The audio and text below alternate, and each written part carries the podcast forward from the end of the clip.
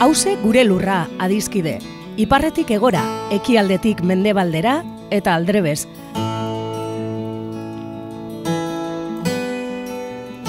Lurra bakarra dugu edo gaituen lur bakarra da hause.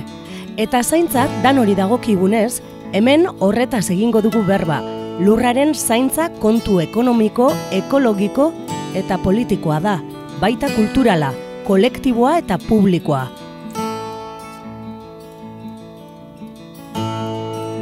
Ekopol taldeko Iñaki Bartenak eta Josu Larrinagak hause gure lurraren zaintzak dituen ataka eta kontu importantei buruz hitz egingo digute. Lurrosoaren erasoak ezin garaitu zezakeen hiri bat ikusi nuen ametxetan.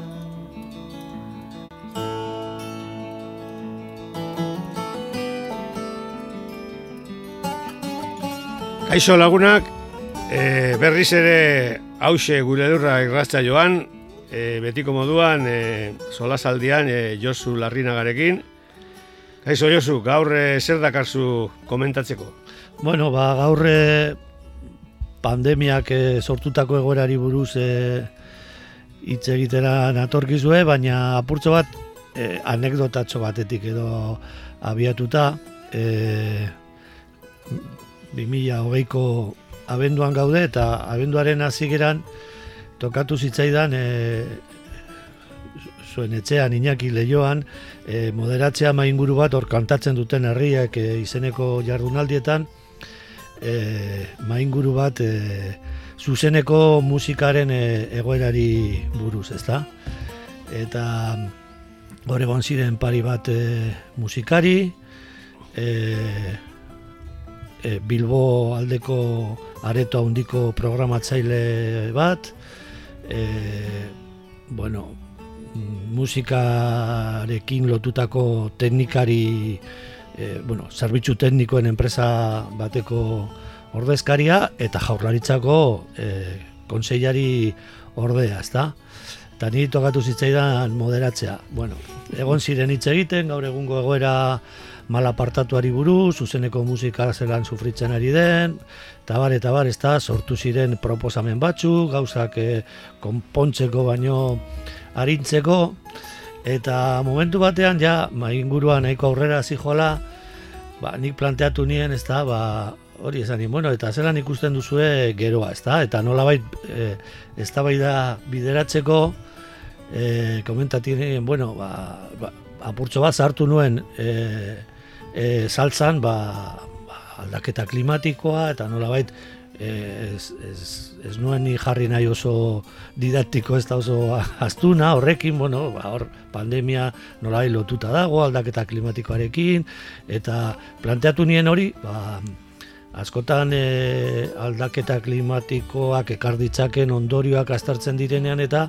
prospektiba egiten denean, ba eskenatoki diferenteak planteatzen direla, ezta? Eta bata beti jartzen dena e, desastrera e, eramango gaituen e, eskenatoki moduan, ba or, eskenatoki horri normalmente deitzen zaiola, zu da, ondo dakizu inaki, business as usual, ezta? Hau da, gauzak dauden moduan segitu ez gero, hau da, ba, betiko kapitalismoaren martza eta bar, ba, hori eskenatoki horri deitzen zaio business as usual, eta nik esan nien, ba, nik ustez orain arte, egon gara hitz egiten klabe horretan, ez da, business as usual, baina, e, zelan ikusten duzue, bueno, sustengarritasuna eta bar, hori ere tokatuko zaio zuzeneko musikari eta nola ikusten zuten panorama hori, ezta?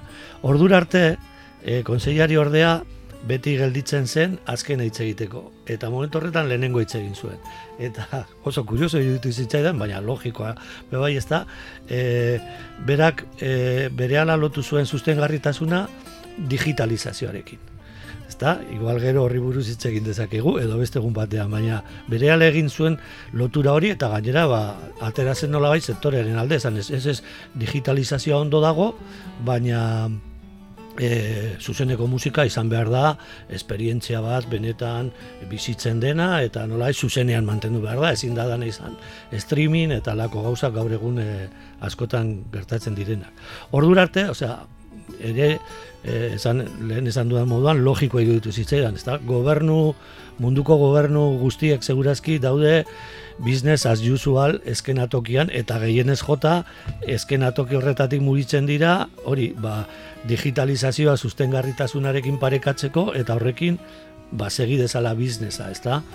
Ba bueno, ba, hori gobernu gehienak ez, ba, ez badira guztiak mundu mailan panora eskenatoki horretan dauden eta zeren esanik ez gure jaurlaritza orduan ba kultura arloan aritzen den politikari gainera justo postura e, e, zer ardurara heldu berria, ba zer espero dezakezu, ezta? Business as usual. Baina txarrena izan zen e, beste partadek batek gidatua nola bai, baina beste guztiak ere apuntatu ziren business as usual eskenatokira. Hau da, etorriko da txertoa, e, hueltatuko gara kontzertuetara, bizitza berriro izango da e, loriatzua, ezta?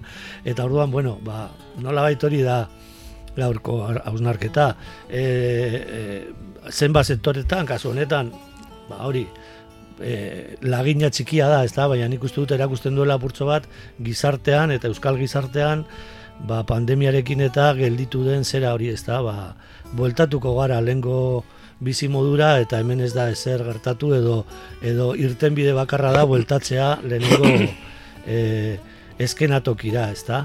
Eta justo egun hoietan irakurtzen ari nintzen e, e, liburu, liburuaren inguruan e, horrekin lotu nahi dute hausnarketa, ez da, e, irakurtzen ari nintzen e, e, zaguzarra eta kapitala izeneko liburua. Gaztelera irakurri nuen, Murcielago y el Capital, e, Andreas Mal izeneko aktivista idazle eta irakasle suediarra, ekologismoaren munduan nolabait jarrera e, arradikaletan e, kokatu dezakeguna, ba, sabotaia eta desobedientzia zibila eta lako kontuak defendatzen ditu ez da, baina liburu horretan ere bera kostatatzen du nola baitor, liburu horretan e, bueno, aztertzen du zenolako reakzioa egon den pandemiaren aurrean, nola reakzionatu du mundua eta nola reakzionatzen ari den edo zer egiten ari den e, aldaketa klimatikoaren aurrean, ezta?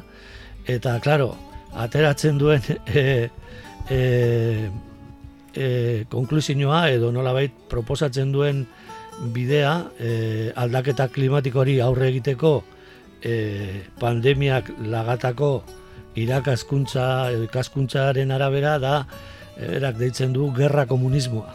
E, eta Lenin defendatzen du, naiz eta gero nahiko trozkista bukatu ez da, baina, klaro, berak planteatzen du, e, gaur egungo egoeran eta ikusita hori panorama ba nolabait e, pandemiak ere demostratu duela aldaketak e, estadutik, gobernuetatik e, egin daitekela, ez da, gobernuek demostratu dutela, estatuek demostratu dutela, kriston maniobra poterea daukatela e, imposatzeko nolabait neurri batzuk, eta jendeak neurri horiek obeditu egin dituela, ezta? Eta alde horregatik horretatik, ba berak esaten du alde batetik sozialdemokraziak nolabai frakasatu duela edo ez, ez dela proposa gaur egungo irtera egiteko e, sozialdemokrazia beti e, mantxotasuna eta progresibotasuna e, eskatzen duelako eta gaur egun ez dagoela ja denborarik guzti hori egiteko eta beste alde batetik planteatzen du naiz eta berak gero ba nolai gizarte mugimenduen e, potentzialidadea defendatu eta berak ere planteatzen du bueno ba hori pandemian ikusi dela e, gobernutik eragin daitekela eta orduan alde horretatik ba, berak planteatzen ditu ba, Lenin eta Troskik e, nolabait e, patentatutako prozedurak eta moduak nolabait ba hori ba, gobernuara heltzeko eta gobernutik ba, realitatea aldatzeko. Eta egia da, berak batez be planteatzen duela urgentena dela e, e, kapital fosila deitzen du berak, hau da, erregai fosilen industria eta enpresa gintza orokorrean, ba, desmontatu, zuntxitu, e, desagertarazi egin behar dela, inkluso ere planteatzen du e, karbonorain e, kapturara arako erabil daitekela, baina bera hortik nola baite planteatzen du aldaketa biatzea, eta ez hainbeste aldaketa kulturala edo askozaz mansoagoa dena, ezta? Baina, bueno, pues hori ikusita zenolako panorama ikusi nuen nik e, ba, inguru horretan, edo nolabait ere, ait, Euskal Gizartearen e, e, arloan dagoen e, panorama izan daitekena, ba, nolabait, esan behar da, ba, erakargarria suerta daitekela e, malmen e, planteamentu leninista trozkista hori, ez da, baina baina beste alde batetik, e, bueno, berak esaten du hor bai kautela jarri behar dira, betiko autoritarismoan ez erortzeko, eta baina hor beti ba, desio zintxoen e, arloan gelditzen da, ez da, eta bueno, ba, hori planteatu nahi nuen, norabait, ere, ba, gogo gabetasuna edo zenolako panorama iluntzu ikus dezakegun aurretik. Oso ondo Josu, ba, eskerrik asko zure Sola zalditxoa gaitik, e, bi galderak edo bi reflexio irodokizun botan nahi nizkizuke, lehenengoa doa lotuta hori, teknolatriarekin, ez? E, hori, e, orain e, hori, bai, digi, digitalizazioa eta energia berriztagarrien e, e, ametsetan dago dana, ez? Bai, digitalizazioa, beti esan dugu, digitalizazioa eta energia berriak eta e, berriztagarriak esan nahi dut, dira soluzioaren parte bat, baina ez dakit, e, aspaldiko parte ja duela bi hiru hamarkada esan digute e, gure e, ekonomia berdetu behar dugula eta desmaterializatu behar dala, ba, ikusten duguna da, ez dala egia, da, e, ez gara e, gure ekonomia deskarbonizatzen ari, kontrakoa, hau da, energia berriztagarriak eta digitalizazioarekin eta tramankulu e, informatiko telematiko berriekin egiten ari, ari, garena da energia gero eta gehiago konsumitu, gero eta gehiago behar dugu e, gure sistema hau, business as usual hau.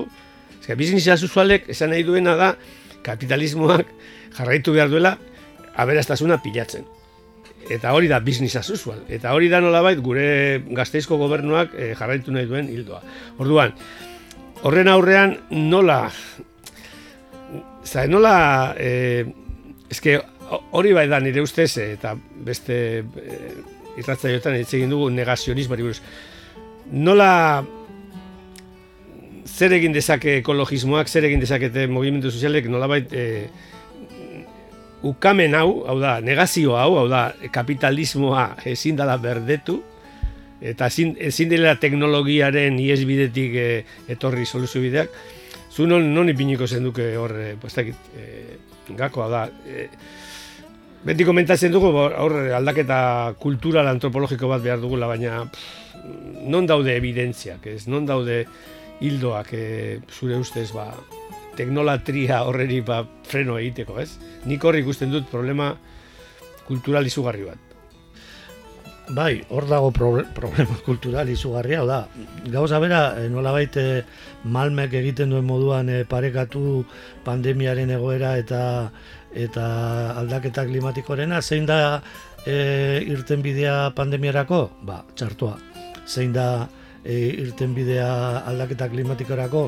Ba, deskarbonizazioa ez, desmaterializazio digitala, baina, claro, hor desmontatu behar dugu, horren atzean, e, badagoela sekulako gasto energetikoa, sekulako konsumo energetikoa eta e, bueno, orain e, e, e, nola baita agertu dira ja lehenengo neurriak konfinamendu garaian zer gertatu zen e, energiaren konsumoarekin eta ez da apenas e, dut, ez da eh, egon aldaketa hondirik kutsadura e, moteldu da murriztu da kotxek ez dutelako zirkulatu, baina, claro, sare digitaletan sekulako zirkulazioa egon zen, eta beraz, hor ikusten dugu, e, nola bait, e, ba, bueno, ba, konsumo energetikoa eta kapital fosilaren e, kapital fosilak hor topatu duela berriz ere akumulatzeko, metatzeko bide bat eta orduan ba hori business as usual eskenatokian gaundela, baina egia da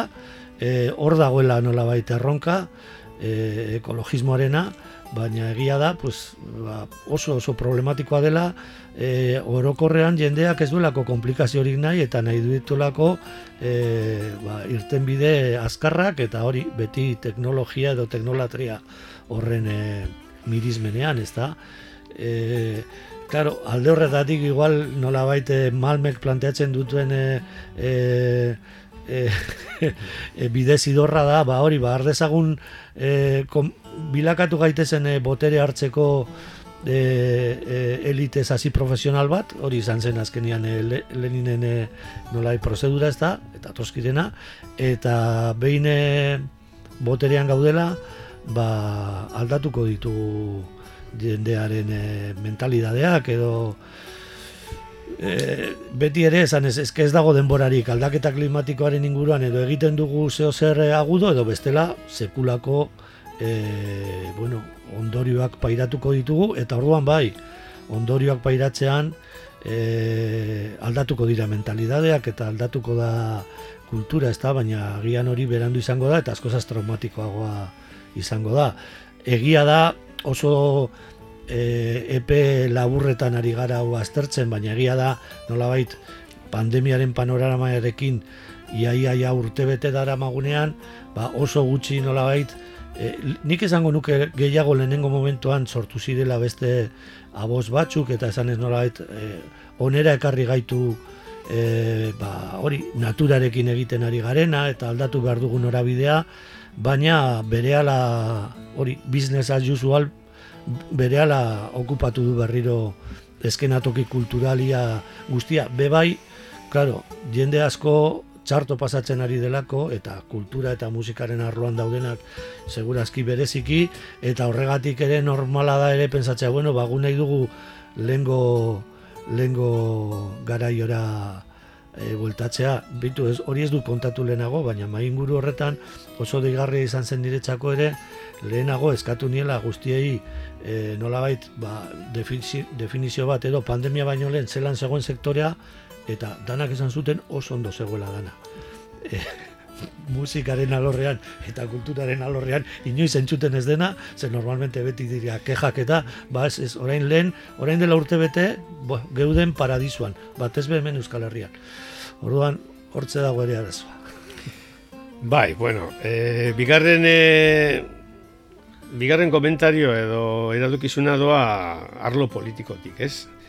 E, ikusi dugu urte honetan gobernuek zenolako indarra duten e, nolabait euren politikak, e, politika ekonomikoak, zein kontrol sozialekoak, zen garraioarenak, zen energianak, e, bueno, marzan dipinteko, eta, eta korporazio multinazionalen e, arloetan bebai sartzeko eta esateko gauzak, bueno, gero ikusi dugu, ikusi dugu bebai Europako aurrekontuetan nola banatzen dan dirua korporazioekin, ez? Baina nolabait e, nola politikan e, eta estaduen indarra, hau da, hemen esaten zana globalizazioekin estadua desagertzear daude oso mm, estaduek mm, bueno, desglobalizazio prozesuan estaduek nire ustez asko markatuko dute bidea. Baina beti etortzen gara betiko lelora, hau da, ikusten dugu eskuin populismotik, eskuin lider e, autoritario hauek zenolako proposamen ekologikoak eh, markatzen dituzten, ez? E, migrazioak nola tratatzen dituzten, eta nola, bueno, zenolako apartheid egoerak markatu nahi dituzten, Eta, karo, e, maulen e, planteamendutatik eta gerra komunismo hortatik, e, agian ikutu, bebai, lehen gogorarazi didazu, Haritz, Haritz ekologista e, e, ekialdeko Alemaniako, bueno, e, hori, eguzki komunismoa planteatzen zuena, baina bide autoritario batetik, be bai, ez da, ez dakit, e, hor nolabait eskerretik be bai agertzen dan e, e, ilusioa da, bueno, bakarrik estadu gogor batek eskerreko e, interesen oinarriturik, ba, bideratu dezake pandemia edo aldaketa klimatiko edo energia politika berriak, ez?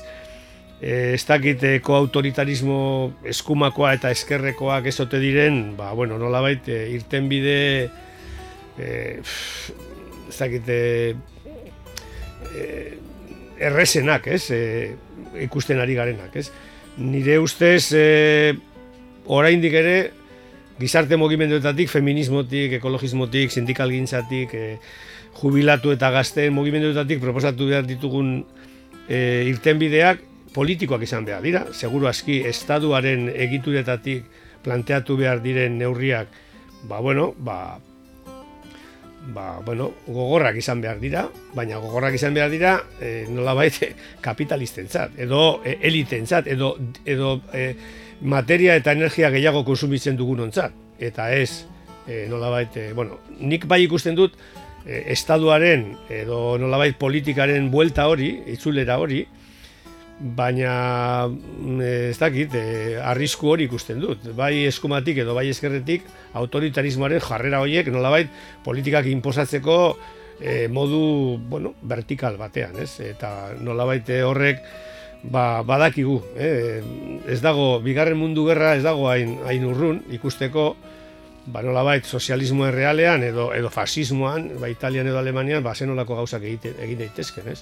Orduan, pentsatzen dut behar dugula, ba, pandemiaren aurrean edo aldaketa klimatikoen aurrean edo bai energia lorrean planteatzen ditugun e, irten bideak, nola baita, e, beti gora egitea, naiz eta, bueno, estaduaren atean jo ibili, eta bide demokratikoetatik, ez? E, bestela, ez dakit, e, are gehiago hemen, ez? E, herri txiki eta estadu bako herrialde batean, ez? Euskal Herria bezala.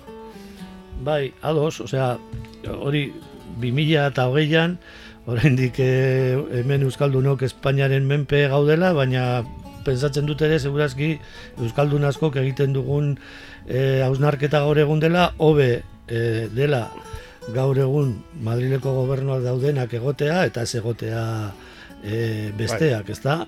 Eh, eta hobe dela, egoera pandemiko eta krisi larri honetan, da, gobernuak daudenak egotea eta egiten dituzten politika eskazak edo apurrak edo denela hori egotea kontrakoa baino eta egia da pues hori e, nolabait estatuaren e, papera oso oso indartu dela eta demostratu duela ondino ba, hor, hor dagoela e, autoritatearen iturria eta gizakiok gauzak gaizki ikusten ditugunean arrisku atzeman ezinak edo kontrolatu ezin ditugunak e, e, pairatzen ditugunean ba, nolabait e, autoritatearekin e, lerrokatzen garela edo fidatzen garela edo beditzen e, dugula ezta?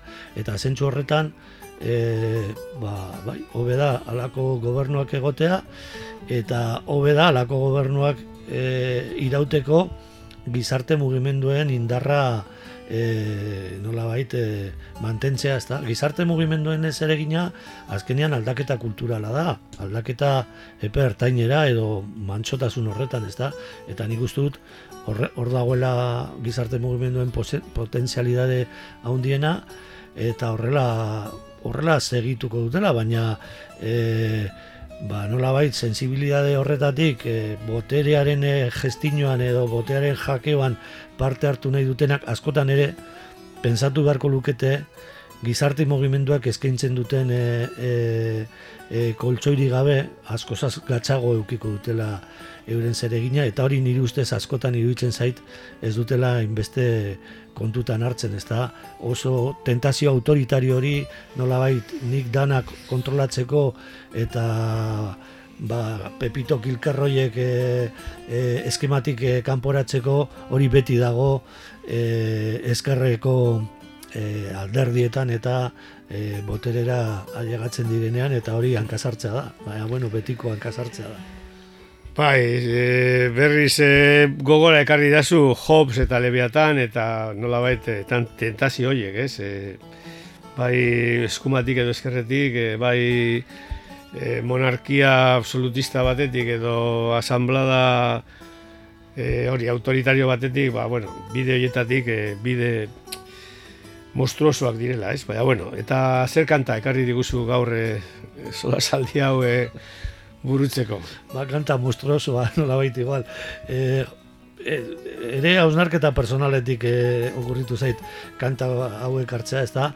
Idols e, talde Britainiarra da, uste dizka hau 2000 eta meretxikoa da, baina ni 2000 eta hogeian gehien impresionatu nauen taldea eta dizka da e, hau ekartzen dudana, eta e, segurazki momentu honetan ni hori kontzertuak ikustea eta asko gustatzen zaidala gehien ikustea desiratuko nuken taldea da Idols, ezta? Baina ere asumitu behar dut agian sekula santan ja ez dudala Idols ikusiko talde nahiko handia da. E, eta ez dakit, pues ja, segurazki business as usual e, e, zera eskinatoki horretan, ba, segurazki baliteke etortzea jaialdi handi batetara, ez da, zera Bilbo BBK Laifera edo azkenara edo, baina segurazki dinot edo balite hori ja inoiz ez e, egotea edo gainean ni ez naiz oso salea jaialdi horrena.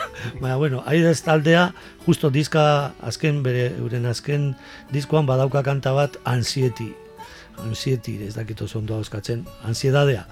Eta orduan oso aproposa da egora horretarako. Música